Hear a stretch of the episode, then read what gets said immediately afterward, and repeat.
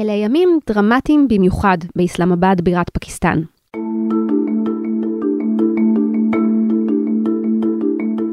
הכל התחיל כשראש הממשלה אימרן חאן ניסה לפזר את הפרלמנט כדי למנוע הצבעת אי אמון נגדו.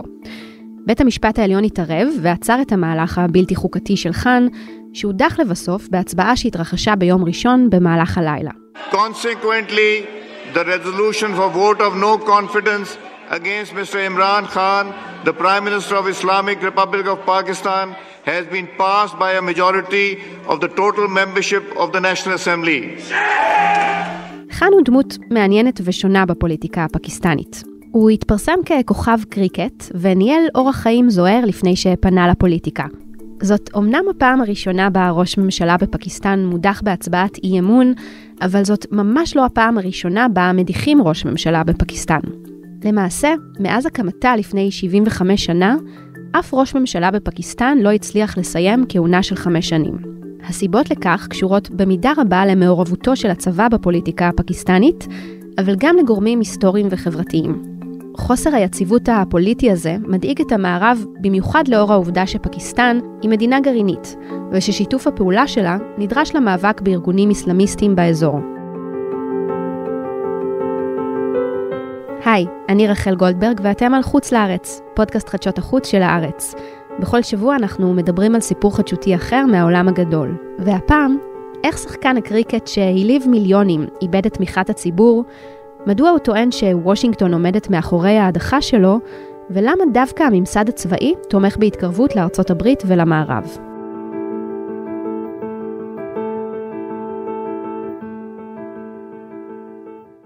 שלום לדוקטור יונתן פרימן, מומחה ליחסים בינלאומיים מהאוניברסיטה העברית. שלום רב.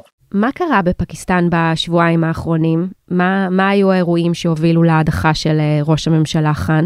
אז מה שקרה בתקופה האחרונה זה של נוכח היוקר המחיה, האתגרים הכלכליים הרבים, היה ניסיון אה, של האופוזיציה אה, בפרלמנט הפקיסטני להדיח את ראש הממשלה. הם ניסו להצביע הצבעת אי אמון, וראש הממשלה רצה לשמר את ההנהגה שלו אה, דרך אה, בעלי ברית שלו בפרלמנט, הוא מנע את ההצבעה הזו, ולפיכך האופוזיציה פנתה לבית המשפט העליון בפקיסטן, ופקיסטן, אה, בית המשפט העליון בפקיסטן בסוף קבעה שהצבעת אי אמון חייבת להתמשך, והיא אכן התרחשה, ובסופו של דבר ראש הממשלה הודח בהצבעה. אלה היו אירועים די דרמטיים וגם די חריגים אפילו בפוליטיקה הלא יציבה בפקיסטן. כן, מדובר פה על קודם כל הפעם הראשונה אי פעם שראש ממשלה מכהן בפקיסטן אה, מודח דרך אה, הצבעת אי אמון. יציבות אה, פוליטית זה לא דבר שכיח בפקיסטן לאורך כל השנים של העצמאות, גם לנוכח העובדה שאף פעם שום ראש ממשלה לא סיים אה, קדנציה מלאה של חמש שנים, גם לאור העובדה שהיו הפיכות אה, צבאיות ואיומים כאלו ואחרים. אז אה, האירוע עצמו אמנם חריג, אבל האי יציבות הפוליטית זה דבר שתמיד היה בטבע של המדינה הפקיסטנית. ואימרן חאן עצמו הוא לא בדיוק הפוליטיקאי הטיפוסי בפקיסטן, הוא לא מגיע משושלת פוליטית, הוא התפרסם בכלל בתור שחקן קריקט. מה הרקע שלו ומה הייתה האג'נדה שאיתה הוא הגיע לראשות הממשלה? אז קודם כל הרקע שלו זה בן אדם שהוא מין אאוטסיידר, אדם שאמר שאני הולך לשנות את הפוליטיקה בפקיסטן, אדם שפנה המון לצעירים הפקיסטנים, והוא דיבר על כך שהוא רוצה לבצע המון רפורמות, אה, גם כלכליות, אה, לגרום לכך שהמדיניות של פקיסטן תהיה יותר עצמאית, פחות תלויה אה, בגורמים כמו קרן המטבע הבינלאומית, מעצמות כאלו ואחרות. הוא רצה לנתב את פקיסטן לכיוון יותר חדש, יותר אולי פתוח לעולם, ואכן הוא ניסה לקדם את זה דרך הסטטוס שלו, כסלב, כאדם שהיה מאוד מפורסם, שהביא המון המון כבוד לפק, לפקיסטן, וזו העובדה גם ש... לקחה את המון המון מהקהל והם חשבו עליו, וזו הסיבה שגם הוא הצליח להתברג ולהיבחר ב-2018. ראש הממשלה גם רצה לקדם מאבק מאוד מאוד תקיף בשחיתות, בעובדה שלאורך שנים השחיתות, גם הפוליטית, גם הכלכלית, מנעה השקעות זרות, מנעה אה, ממדינות מסוימות לתקשר ולהיות באינטראקציה עם פקיסטן.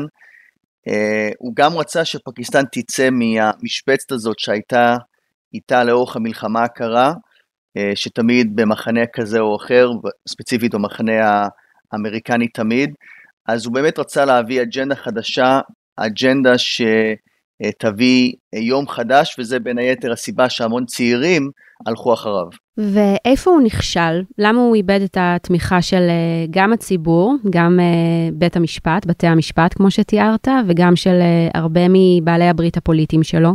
אז חלק מהעובדות שבאמת השפיעו אה, על הכישלון אה, של חאן היה בין היתר המציאות הכלכלית, אה, העלייה במחירים, האינפלציה הגואה, העובדה שגם מגפת הקורונה אה, פגעה רבות ביכולת הכלכלית של פקיסטן אה, להתקדם, גם המלחמה שעכשיו אנחנו רואים באוקראינה, עליית מחירי האנרגיה, וזה דבר שבאמת שידר שהממשלה הנוכחית בראשותו לא מסוגלת להתמודד עם האתגרים הכלכליים. אמנם הוא סלב, אמנם הוא אומר שאני אעשה רפורמות, אבל אין לו הרבה ניסיון אה, ואין לו הרבה קבלות אה, מבחינת שיפור כלכלי למול אתגר כזה גדול, וזה גרם להמון אה, תומכים שלו, גם בתוך הקואליציה שלו, לערוק לאופוזיציה, גרם גם לצבא עצמו, שגם נהנה וצריך ליהנות מהמצב כלכלי, אם הוא טוב או לא טוב, פחות לתמוך בו, אה, גרם לשלטון אה, החוק אה, לקבל פניות מהאופוזיציה לאור זה שהוא אולי לא יכול להמשיך כשליט, ולפיכך זה גרם לו בסופו של דבר לאבד את השלטון. دل دل کی آواز ہر دل کی آواز پاکستان زندہ باد تیرا وجود ہی אז התייחסת uh, לצבא, שהוא uh, אולי uh, הממסד החשוב ביותר בפקיסטן. עם הבחירה של חאן ב-2018 היו טענות שהצבא סלל לו את הדרך לשלטון, כשהוא התערב והרחיק בעצם מועמדים שהיו יכולים להתחרות בו. ואי אפשר בעצם להבין את העלייה של חאן לשלטון בלי לדבר על ההשפעה של הצבא על הפוליטיקה בפקיסטן. כן, לאורך שנים, מאז העצמאות של פקיסטן, אה, לצבא יש נוכחות מאוד משמעותית בחברה הפקיסטנית וגם בהנהגה הפקיסטנית, ויש המון סיבות, בין היתר הסיבה שהצבא זה מוסד שמאוד מאוד מתפקד, מאוד יעיל, למול כל המוסדות האזרחיים שאולי פחות יעילים, אולי יותר מושחתים, אז הציבור הרבה פעמים אה, פנה לצבא או ראה את הצבא כגורם שיכול למלא את הוואקום השלטוני או הוואקום של האי-יציבות. אה, סיבה שנייה זה גם בגלל האיומים, המלחמות הרבות, גם למול הודו, גם למול אה, גורמים אחרים במהלך המלחמה הקרה, וככל שהאיומים התגברו, גם הקולות התגברו, אה, והנאמנות של הציבור למול הצבא גם אה, התגברה, ולפיכך הצבא הפך להיות לאורך כל השנים מוסד שקיבל המון המון החלטות, גם בהקשר של מדיניות חוץ, גם בהקשר הכלכלי. זה נכון שב-2018 יש כאלה שאומרים שהצבא יותר תמך במועמדות אה, של אה, חאן, כגורם שאולי יכול להביא יותר גם תמורה לצבא. אה, כי בסופו של דבר, אם הכלכלה הפקיסטנית לא עובדת, אז אין גם משאבים לצבא הפקיסטני. אבל מה שקרה בתקופה האחרונה זה שחאן התחיל לקבל החלטות מבלי לשתף פעולה או לקבל הסכמה אה, מהצבא. רק אה, דוגמה אחת הכי טובה שממש קרתה לאחרונה, זה הפלישה הרוסית לאוקראינה, שהצבא בעצמו גינה אה, בצורה מאוד תקיפה, וזה בזמן שחאן היה במוסקבה ורואה את זה ויודע על זה, והוא בעצמו בוחר לא לגנות את פוטין. גם האמירות של חאן שצריך להתרחק מארצות הברית, גם האמירות שלו שהוא שמח שהאמריקנים עזבו, עזבו את אפגניסטן, אלו דברים שהצבא לא אהב, אה, לא רק בגלל שזה לא שיקף את מה שהצבא מאמין, אלא שגם זה לא שיקף שיח עם הצבא וקבלת אישור מהצבא אה, ללכת בדרך הזו. ולמעורבות הזאת של הצבא, יש איזשהו קשר לזה שמאז העצמאות אף ממשלה בפקיסטן לא הצליחה להשלים כהונה שלמה של אה, חמש שנים? בהחלט העובדה שהמוסד שהכי יציב במדינה לאורך שנים זה המוסד הכי לא דמוקרטי לאורך שנים במדינה, וזה המוסד הצבאי. והיו גם בעבר אה, מקרים שמנהיגים הודחו, אפילו בית המשפט העליון, שעכשיו אה, אה, פנה או החזיר חזרה את הצבעת אי אמון לפרלמנט, אה, הוא אפילו הדיח בזמנו את האח אה, של הראש ממשלה שעכשיו אה, החליף את חאן בטענות שהיה פה שחיתות ודברים אחרים, אז, אז זה לא שבית המשפט העליון אף פעם לא, הייתה לו נגיעה בהחלפה של השלטון, אבל גם זה לא שבית המשפט והמערכת שלטון החוק תמיד היו הסיבות לחוסר יציבות הדמוקרטית. ושוב, אם חוזרים לעניין של הצבא, הצבא באמת אה, לקח את השלטון כמה פעמים, וגם ניסה לקחת את השלטון כמה פעמים דרך הפיכות צבאיות, אה, מבלי שהוא קיבל אור ירוק, או מבלי שהוא אה, שיתף פעולה עם אה, בית המשפט, אבל באמת המציאות, אם זה המציאות הביטחונית, אם זה המציאות הכלכלית, בסופו של דבר אה, שינתה את הדרך שבו האזרחים ראו את המערכת, ובמקום שהם ציפו למציאות שהצבא תמיד מצדיע לאזרח, בסופו של דבר היו המון פעמים שהאזרח בחר להצדיע לחייל. איזה גורמים נוספים יש לכך שפקיסטן בעצם לא מצליחה להגיע ליציבות פוליטית? קודם כל, ההיסטוריה המאוד מאוד מאתגרת ביטחונית אה, את אה, פקיסטן, מלחמות רבות עם אה, הודו, גם אירועים אלימים ולחימה אה, במה שעכשיו נקרא אה, בנגלדש, והחוסר היציבות הביטחונית בסופו של דבר גרמה ליותר אמון באותם הגורמים שאמורים להבטיח את החוסן הביטחוני ואת הביטחון הלאומי, וזה הצבא, ופחות האזרחים.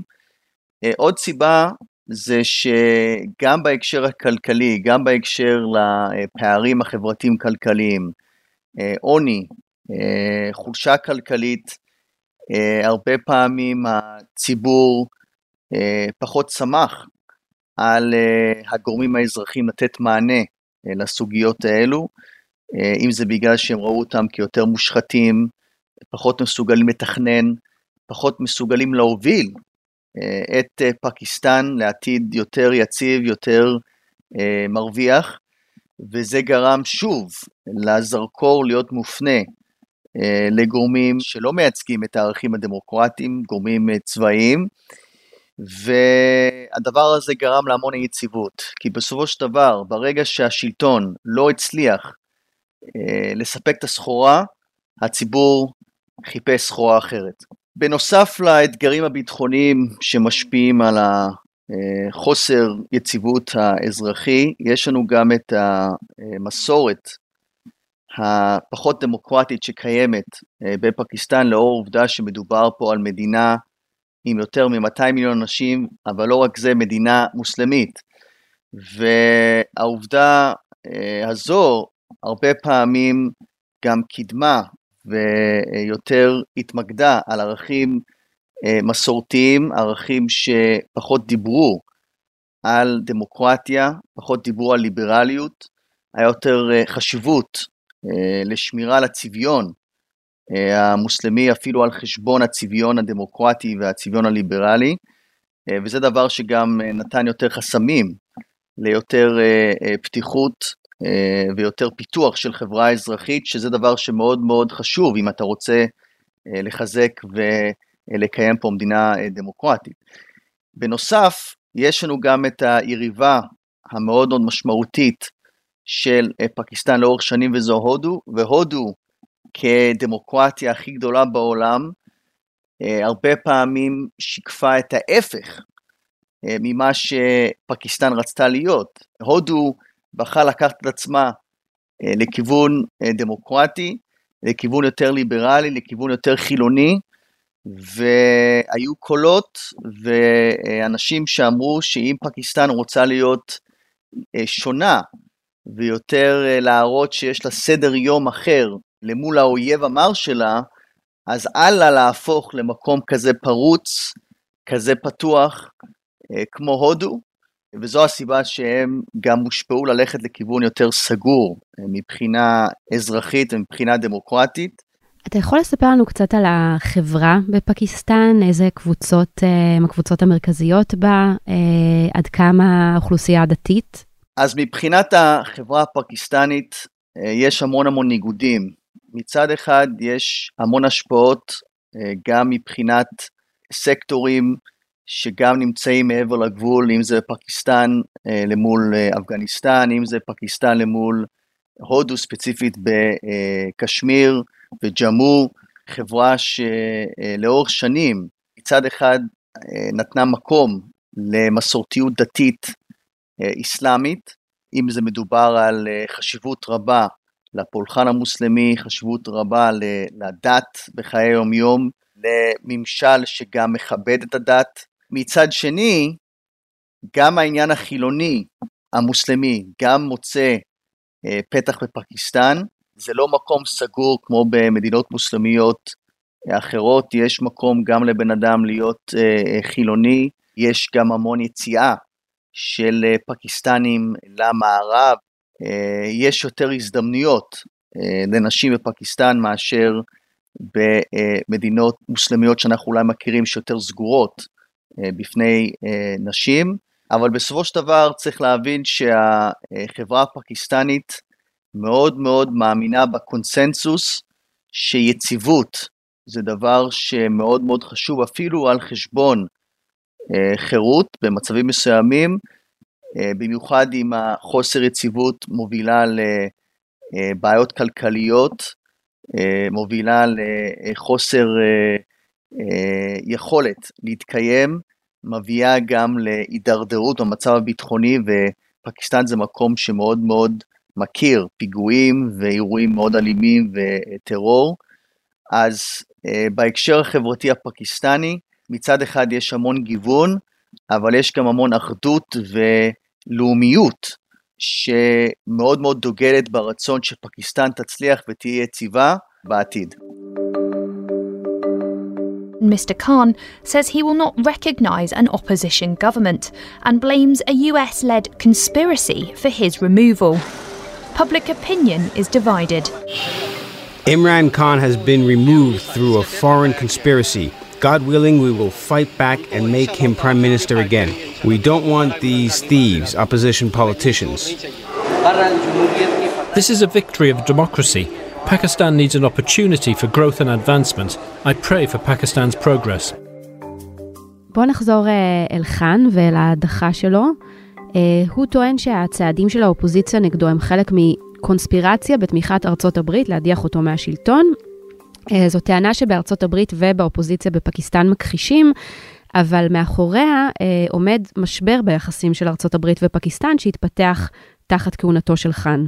כן, יש פה טענה מאוד רצינית, שאגב, זה בין היתר הוביל אותו ואת התומכים שלו בפרלמנט לא אה, להמשיך עם הצבעת אי אמון, כי החוקה מאפשרת אה, להקפיא תהליכים אם יש פה איזה עניין של אה, איום ביטחוני או מישהו בחו"ל שמנסה להשפיע, וזו בדיוק הייתה הטענה, שחאן דיבר על כך שמאחר והוא בתקופה האחרונה מנסה להתרחק יותר מארצות הברית, או יותר להביא את פקיסטן לעמדה ניטרלית, אם זה דרך התקרבות עם סין, אם זה דרך התקרבות אה, עם אה, אה, רוסיה, שבוושינגטון לא אהבו את זה.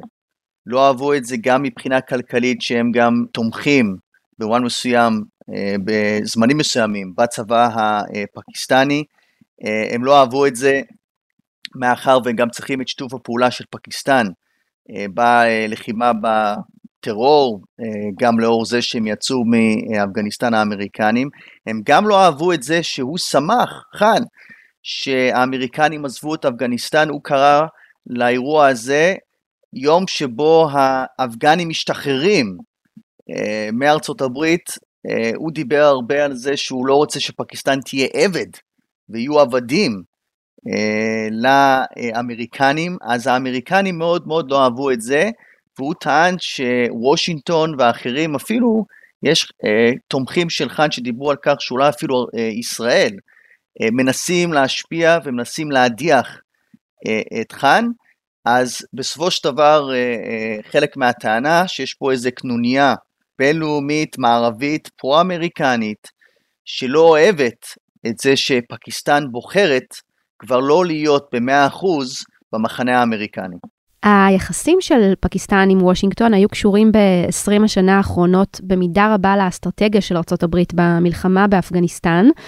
ועכשיו כשבוושינגטון בוחנים את השגיאות שנעשו באפגניסטן לאורך השנים, מתעוררת שם גם הרבה ביקורת על היחסים של פקיסטן עם הטליבן. כן, המון ביקורת, כי מצד אחד הפקיסטנים יגידו, אנחנו תמיד אה, תמכנו בלחימה של אה, ארצות הברית בטליבן, באל-קאעידה, בגורמים קיצוניים שם באפגניסטן. מצד שני, יש המון טענות ואפילו מודיעין שמראה שיש גורמים בממשלה הפקיסטנית או אפילו בצבא הפקיסטני, במודיעין הפקיסטני, שמשתף פעולה ונותן סיוע, נותן הגנה לגורמים טליבנים כאלו ואחרים.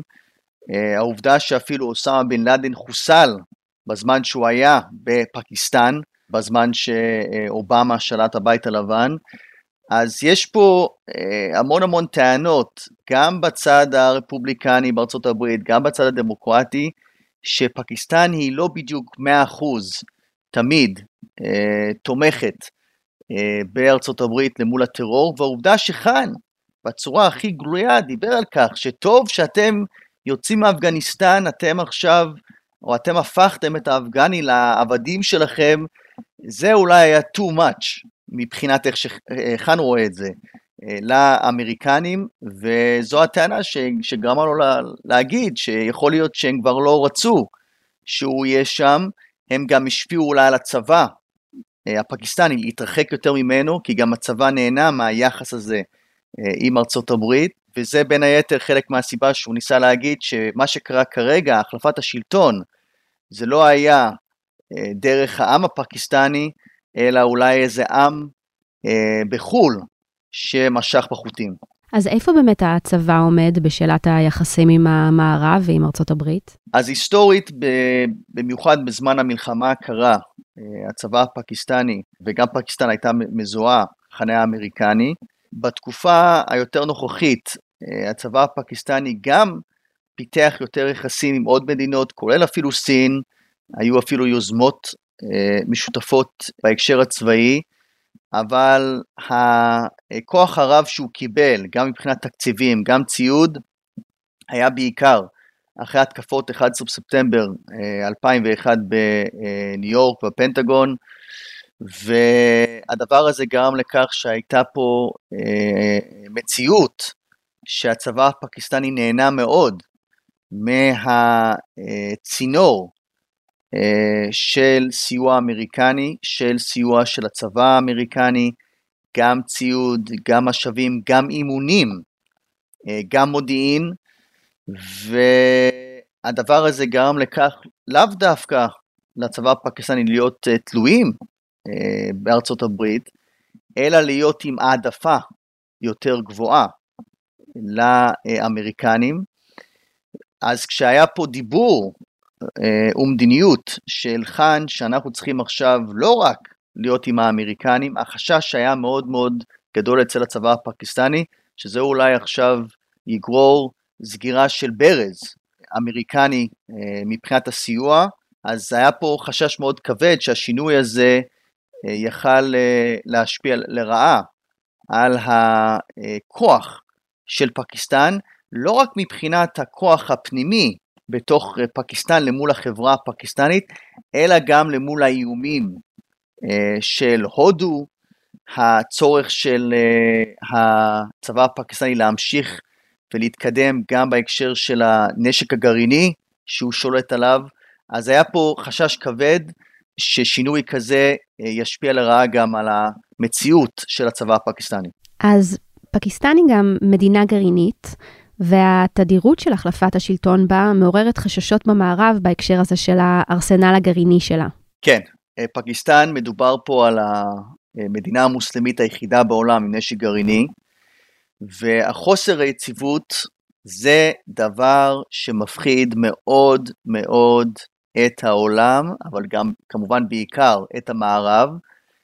אה, חוסר יציבות יכול להוביל לכך שאף אחד לא יודע למי יש את המפתחות לאתרי השיגור בפקיסטן, למי יש את הגישה לטילים הגרעיניים, לידע הגרעיני, זה דבר שמאוד מאוד מפחיד, זה יכול להוביל למשל לאירוע כזה או אחר שהגרעין בשימוש ואף אחד לא יודע מי ישתמש בו, זה יכול להוביל לכך שידע גרעיני או ציוד גרעיני יכול להגיע לארגוני טרור.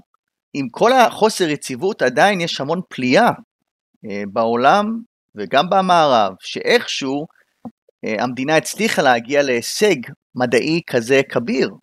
כי לפתח נשק גרעיני זה לא דבר כזה אה, קל, ואתה צריך מדינה שעם תכנון ומדינה עם מדענים, אז מצד אחד הגרעין והתוכנית הגרעין זה משהו שמראה על המון הצלחה של פקיסטן, אבל זה גם מראה על המון סכנה של פקיסטן מבחינת זה שאם יום אחד אף אחד לא עונה בארמון הנשיאות באסלאמבאד, זה אולי אומר שגם האתרי הגרעין כרגע, אף אחד לא יודע מי שולט עליהם.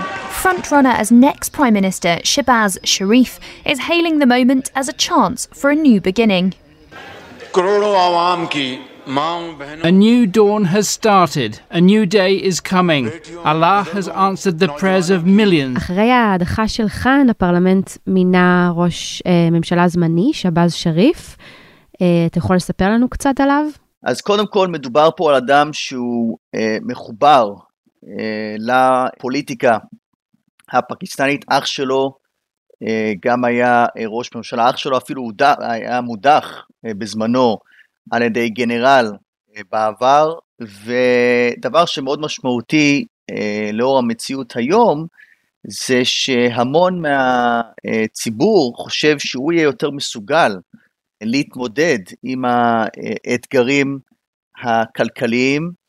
הוא כבר אומר שהוא הולך לדבר ולקיים שיח מאוד רציני עם קרן המטבע הבינלאומית. הוא רוצה לוודא שפקיסטן היא לא אנטי אמריקנית, הוא מייצג גם מפלגה שיש לו אוריינטציה יותר אולי פרו-מערבית, שרוצה לפתח ולפתוח את פקיסטן אה, לשוק הבינלאומי יותר, אז יש המון אה, אה, תקווה שהראש ממשלה הזה יוכל להביא יותר אה, אה, פתרונות לאתגרים הרבים שיש כרגע, בעיקר אה, הכלכליים, לפקיסטן. וחוץ מזה, מה, מה קורה הלאה? פקיסטן בעצם נמצאת עכשיו באיזשהו סוג של אה, משבר פוליטי, היא תלך לעוד אה, מערכת בחירות, וחאן גם לא מתכוון לוותר כל כך בקלות. הוא אמר שהוא מתכנן להתמודד גם בבחירות הבאות. כן, אז כרגע מה שאנחנו רואים זה המון אי ודאות. כי אפילו חאן, שהיה את כל המצב הזה של הצבעת אי אמון, הייתה תקווה אפילו אצל התומכים שלו, שכרגע עכשיו נמצאים ברחובות, שאומרים יש פה משהו לא לגיטימי שקרה, שבית המשפט החליט מי המנהיג ולא העם, אה, הוא אפילו חשב אה, שאולי הצבא יבוא להציל אותו, אה, שחוסר יציבות שאולי יש כרגע זה לטובתו, כי הוא כרגע בשלטון והמציאות של חוסר יציבות זה דבר שאולי פותח את האפשרות לצבא לבוא ולתפוס פיקוד. אבל זה לא קרה. בסוף בית המשפט הוא זה שהחליט שצריך עכשיו הצבעת אי אמון. אז אנחנו נצטרך לראות בדיוק אה, מתי הבחירות אה, מתרחשות, צריך גם לראות מי יהיו המועמדים. אה, חאן אומר שהוא רוצה לחזור, שהוא רוצה לרוץ, הוא כרגע עכשיו נמצא ברחובות, מנסה לגייס, ויש לו המון המון צעירים, המון המון צעירים שתומכים בו, ויכול להיות שמה שהוא ינס, ינסה לעשות זה להראות שמי שעכשיו רוצה להחליף אותו, לא רק מייצג משהו לא לגיטימי, לא רק מייצג משהו שהוא תוצר של תהליך לא לגיטימי, אלא שזה גם מישהו שנשלט על ידי גורמים בחו"ל. ואם הוא יצליח למתג עוד יותר את ההנהגה הנוכחית כהנהגה שהיא לא פקיסטנית באמת, שהיא הנהגה שמקבלת פקודות מוושינגטון או ממקום אחר, זה דבר שיכול להוביל עוד יותר אולי את הציבור הפקיסטני אה, לתמוך בכאן, במידה אולי יותר, יותר רבה, אה, במיוחד אם זה גם ייתפס כאיום על פקיסטן, וכפי שאמרתי בעבר, אם יש דבר שמאוד מאוד משפיע על הציבור, זה הגאווה הזאת, הלאומיות הזו. כשיש איום על פקיסטן, אז הרבה פעמים הציבור הולך לקראת מי שהכי מבטיח למגר את אותו האיום. דוקטור יונתן פרימן, תודה רבה. תודה רבה. עד כאן הפרק השבועי של חוץ לארץ, פודקאסט חדשות החוץ של הארץ. אני רחל גולדברג, והפרק הזה הוא גם הפרק האחרון בהגשתי, לפחות לזמן הקרוב. זאת הייתה זכות אמיתית להיות כאן בשנה האחרונה, וזה לא היה יכול לקרות בלי חברי הצוות שלנו, שמדי שבוע עובדים על להביא תוכן מרתק, מיוחד ומעמיק מהעולם. אסף פרידמן, אמיר פקטור, יונתן מנייביץ' ורועי סמיוני. תודה לכם המאזינים שהקשבתם לנו והעמקתם ביחד איתנו בסיפורים קצת אחרים מהעולם, וגם הגבתם והצעתם רעיונות לפרקים נוספים. אני מקווה שהיה לכם מעניין, מעשיר ומהנה כמו שהיה לי, ושנשתמע גם בהמשך. אחרי פסח תהיה כאן עמנואל אלבז פלפס, כך שמומלץ במיוחד לעקוב אחרי הפודקאסט בכל אחת מאפליקציות הפודקאסטים. חג שמח!